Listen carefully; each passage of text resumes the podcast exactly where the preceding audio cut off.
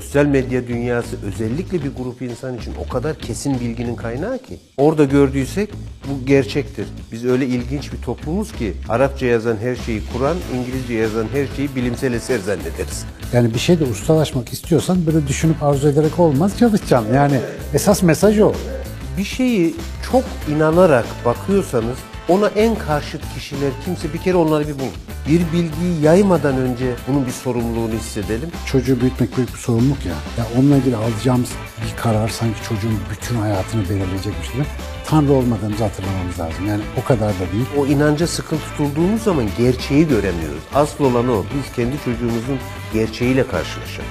İnancımızdan vazgeçmemek için çocuğumuzla ya da kendimizle ilgili bir gerçeği tarif ediyoruz. Öğretmenim. Sana da böyle de deyince çok oturuyor bence yani öğretmenim. Şimdi benim bir süredir insanların bilgi alma telaşeleriyle ilgili hani kendimiz işte yetişkin eğitimiyle uğraşan birisi olarak bir e, mesajım var vermek istedim. Bu mesaj da şu. Şimdi mesela bilgi artık her yerde var. İşte Google'a giriyorsun, istediğini arıyorsun. Facebook'ta, Instagram'da, orada burada insanları takip ediyorsun.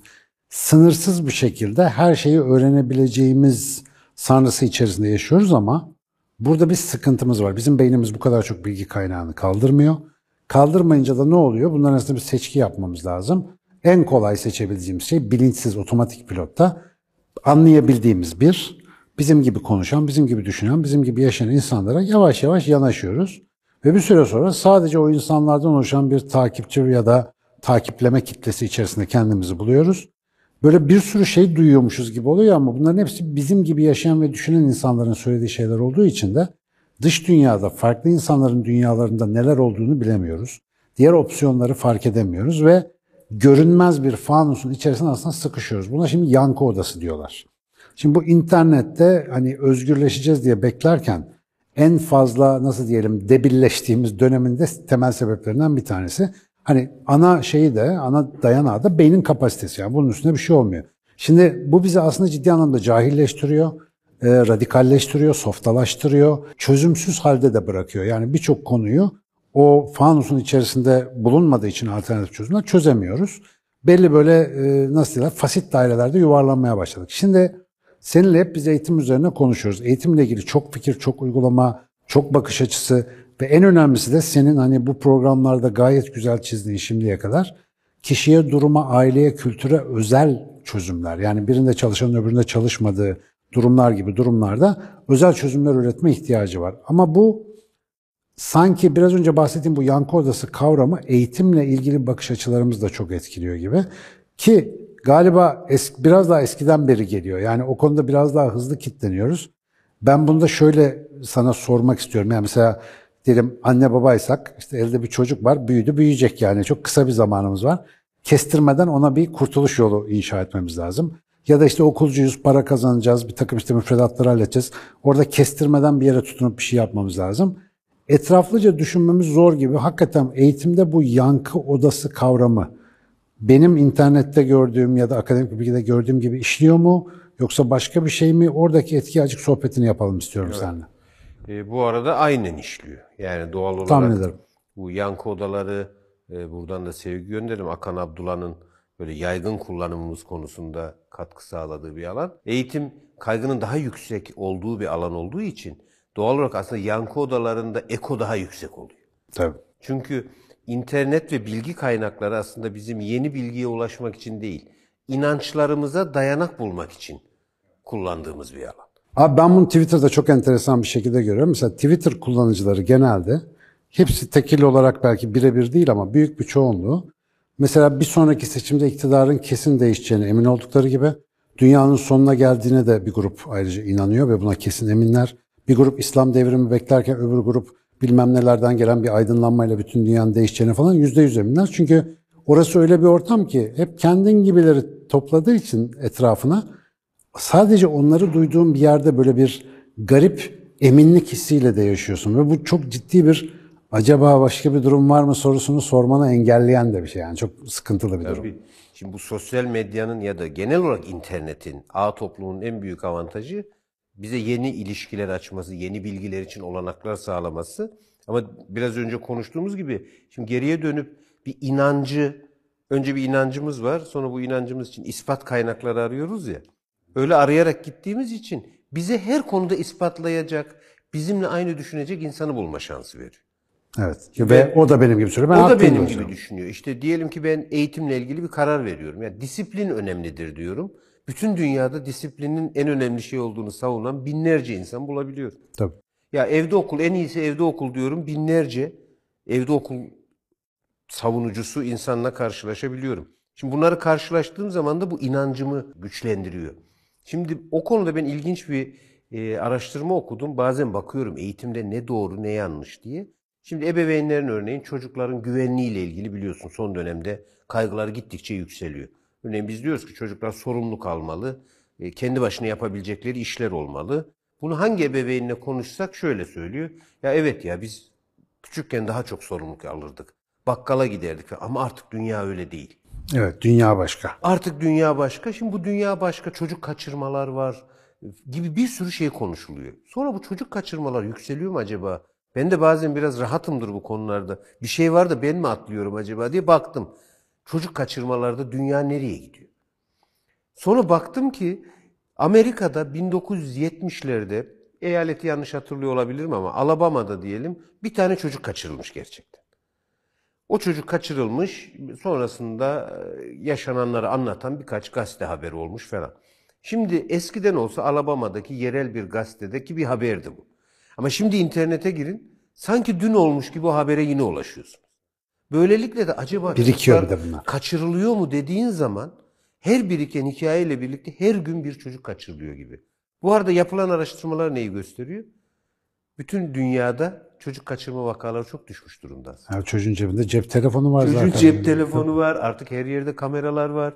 Yani geçmişte o anlamıyla daha güvensiz diyebileceğimiz bir alan vardı. Ama neyi söylesek, yani herhangi bir ebeveyne bir şey söylediğimizi düşün. Ya okulda böyle olsa iyi olabilir mi? Hayır hocam, ben duydum. Ya duyduğumuz şey Avustralya'dan mı? Afrika'daki bir ülkeden mi? Bunu bilmiyoruz. Abi geçen yakın akrabalarımdan bir tanesiyle organik tavuk konusu konuşuluyor.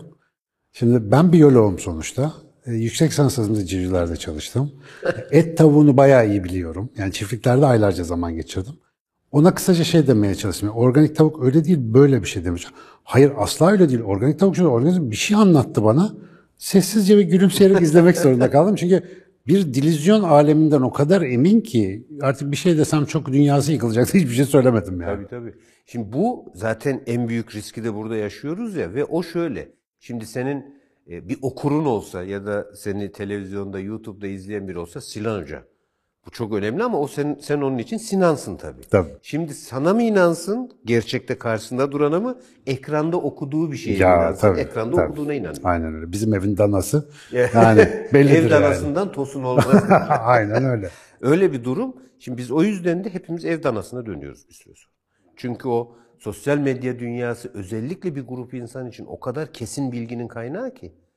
Orada gördüysek bu gerçektir. Şimdi bizim Servet Hoca, Servet Özdemir anlatırdı. Biz öyle ilginç bir toplumuz ki Arapça yazan her şeyi Kur'an, İngilizce yazan her şeyi bilimsel eser zannederiz.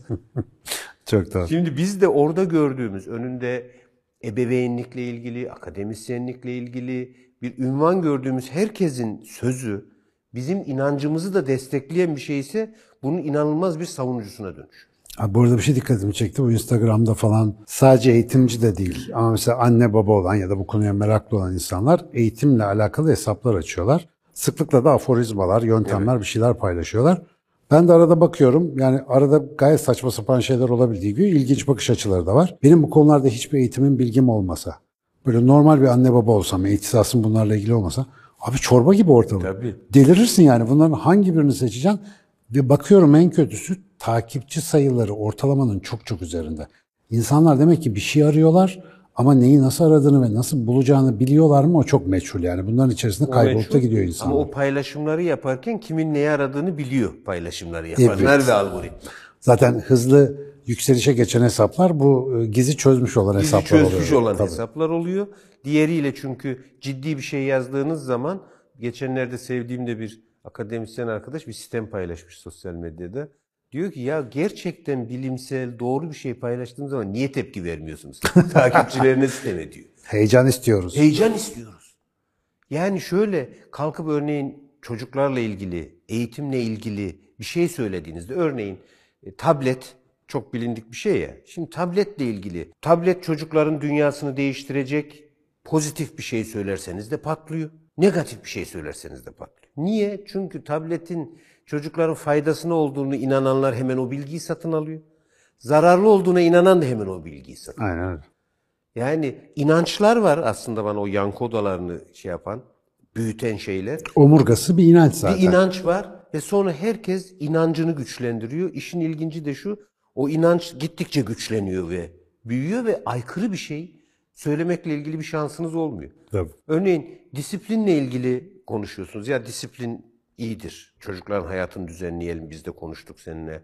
E, alışkanlıklar oluşturmak iyidir falan diyorsunuz. Ama o sırada birinin önüne bir şey düşüyor işte. Alışkanlık şöyle kötüdür diye havalı bir laf olduğu anda o sırada alışkanlıkla ilgili araştırmalar, konuşmalar, onca bilim insanının söylediği şey boşa gidiyor. Ve bunların hepsi de eğitimle ilgili örneğin bir sürü gerçek olmadığı çoktan ispatlanmış efsanenin ortada geziyor olmasına yol açıyor. Bu anne baba da herhalde mesela sizlere eğitimcilere yönelik olarak çok farklı yansımaları olan bir şey olmalı. Mesela böyle enteresan örnekler geliyor mu aklına? Tabii yani? tabii, hemen birkaç tane işte vereyim örnek. Örneğin e, ödülle ilgili bir şey konuşuluyor. Ödülle ilgili pozitif, negatif bir sürü şey var.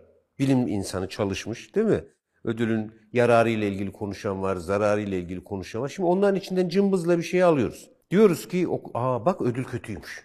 Özgür Balat'a buradan Ya Özgür sevgiler. Bolat- Özgür'ün kitabının başlığı çok iyi. onun faturası da hep Özgür o. İşte Özgür Bolat'tan okudum.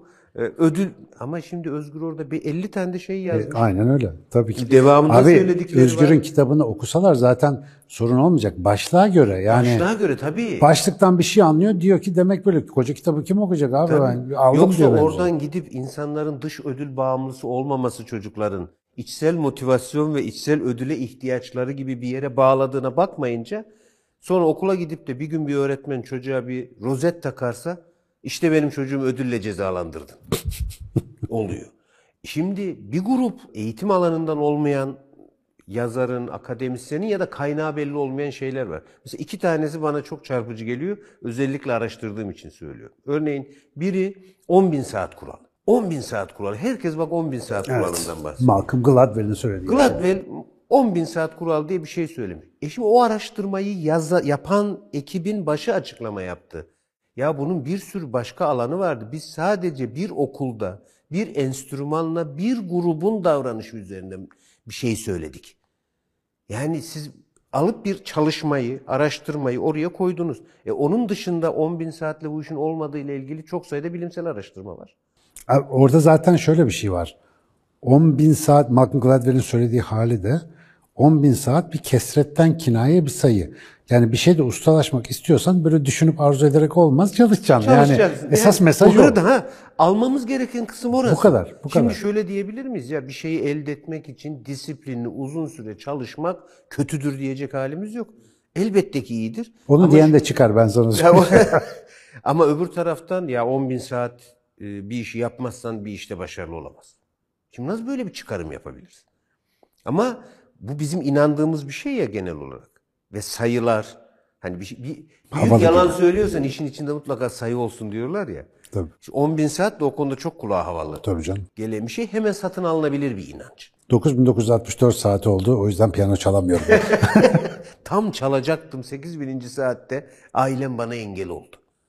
Gibi işte bu yaratıcılıkla ilgili de oluyor. Bir efsane geliştiriliyor. O efsanenin içerisinde diyoruz ki işte kim yaratıcı olmuş? Önemli bir müzisyen alıyoruz, önemli bir ressam alıyoruz. Sonra diyoruz ki o şunu yapmış. O da bunu yapmış demek ki. Demek ki böyle. Müthiş bir dedüksiyon kabiliyeti yani. Tam da öyle. Sonra onu birbirimize söyleye söyleye, çoğalta çoğalta e herhalde 100 kişiden duyduğumuz şey de yanlış olamaz. Avcı hikayelerine bir süre sonra avcının kendisi de inanıyor yani. Kendisi de inanıyor. Atıp atıp aynı durumdayız. Bu annelerin mesela anne genellikle anneler çıkıyor ağzından çünkü %90 onlar sorduğu için. Mesela çocuğun beyin gelişimiyle şununla bununla ilgili sorduğu sorularda ben bunu çok fazla görüyorum. Ama mesela onu biraz düzeltmesi kolay. Bizim orası nöromit diye bir şey. Yani ya öyle değildir kardeşim şöyledir dediğin zaman literatüre de baksa bana inanması onu görüyor.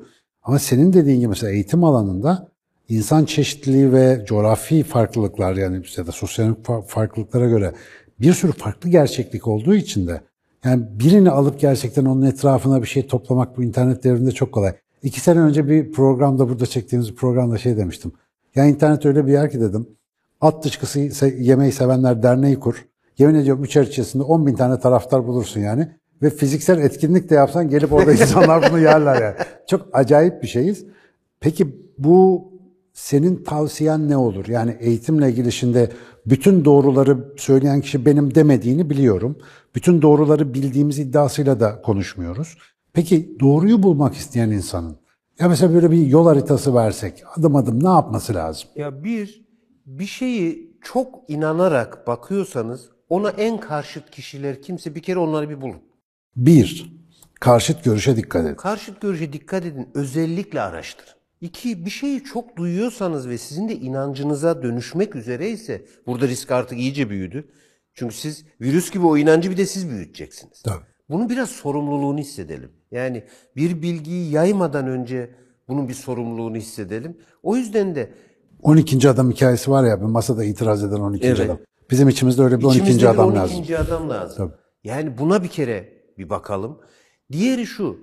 Çocuk ve eğitimle ilgili konuştuğumuz için benim çocuğum, benim kültürüm, ben bunlara uyuyor mu uymuyor mu buna da bir bakalım.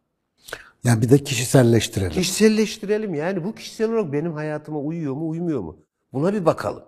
Buna bakmazsak şöyle oluyor. Şimdi biz karşımızda çocuğumuzu karşımıza alıyoruz.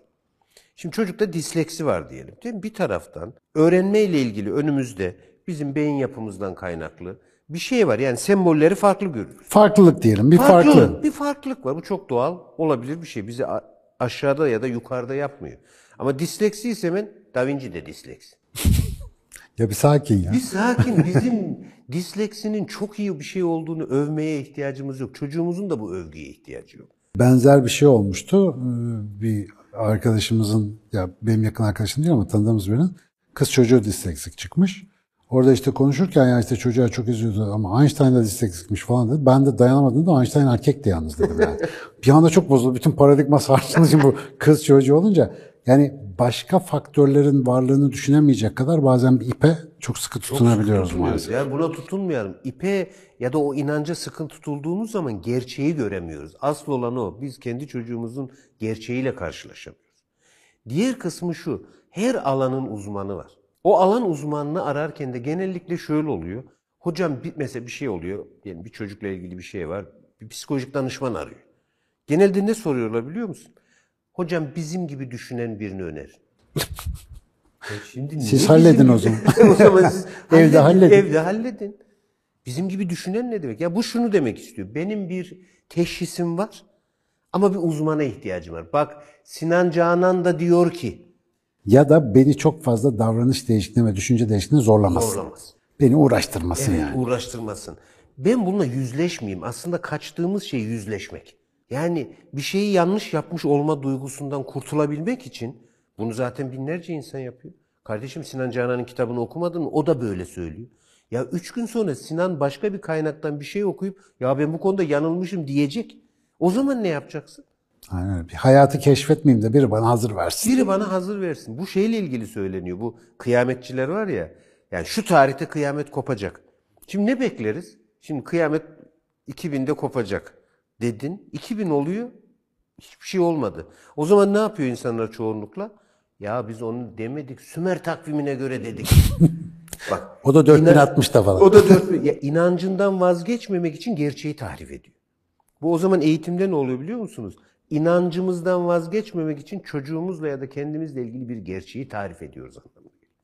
O yüzden en büyük riski ben eğitimdeki yankı odalarında bir, kendimizle ve çocuğumuzla yüzleşmemizin önünde bir engel olarak görüyorum. Gerçek bir ilişkinin önündeki bir engel. Gerçek bir ilişkinin önündeki engel. O filtreler dediğim gibi çok sağlıklı bir şekilde kurulacak ilişkiyi bozmaya başlıyor. Yoksa oradan buradan duyduğumuz, bazen seslendiricisi olduğumuz inançlar e, hata yaptığında neyi toparlayıp toparlayamayacağını bilemeyiz. Ama bir ebeveyn olarak, bir öğretmen olarak Bırakın ilişkinin içerisinde hata da yapalım. Aynen. Bir de şey var galiba. Senin o üç kurala bir tane daha ekleyesim geldi. Bazen anne babayken oluyor. Hatta seninle konuşurken de galiba bir geçti bu durum. Mesela çocuğu büyütmek büyük bir sorumluluk ya. Ya onunla ilgili alacağımız bir karar sanki çocuğun bütün hayatını belirleyecekmiş gibi. Tanrı olmadığımızı hatırlamamız lazım. Yani o kadar da değil. Mesela eğitimde de yanlış yapılabilir. Çocuk yanlış bir okula da gidebilir. Kötü bir öğretmenle de karşılaşabilir. Ben mesela bakıyorum kötü öğretmenlerim de bana çok şey öğretti yani en azından nasıl olmamam gerektiğini onlardan öğrendim. Hata kabul edebilir bir hayatta yaşadığımızı hatırlayalım. Yani biz her şeyi kusursuz yapmak zorunda değiliz. Benim senden dinlediğimden anladığım şu, kendi kusurları nedeniyle dünyanın geri kalanında sürekli kusursuzluk arayan insanlarla çok fazla vakit kaybediyoruz. Yani kendi kusurunu görmüyor ama dünya kusursuz olsun ki ben bir kulum ya benimki de araya gitsin gibi enteresan bir kafayla mücadele ediyoruz gibi. Bunu da en çok bu devir besliyor abi. Evet. Yani hakikaten ben bir delirsem benim gibi 5000 tanesini dakikasında buluyorum. Dolayısıyla bir deliler komitesinde kendimi çok normal zannedebiliyorum böyle harika bir. Artık şey için e, bir hacının hacıyı bulabilmesi için Mekke'ye gitmesi gerekiyordu. Twitter'a girmesi. Şu anda Twitter'a girmesi yettiği için herkesin birbirini bulabildiği bir yere dönüştü orası. Aynen. O dönüşme de insanın o yüksek potansiyelinin bence önündeki engel.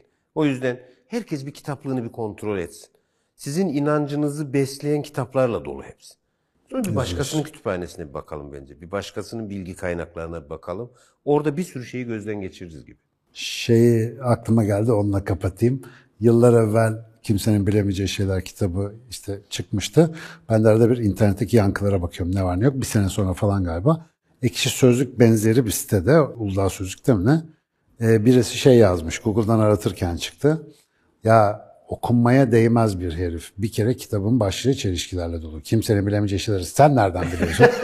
Abi muhteşem yani onu böyle sonra silindi çerçevede Aa, duvara vallahi asayım falan filan dedin. Ama işte böyleyiz.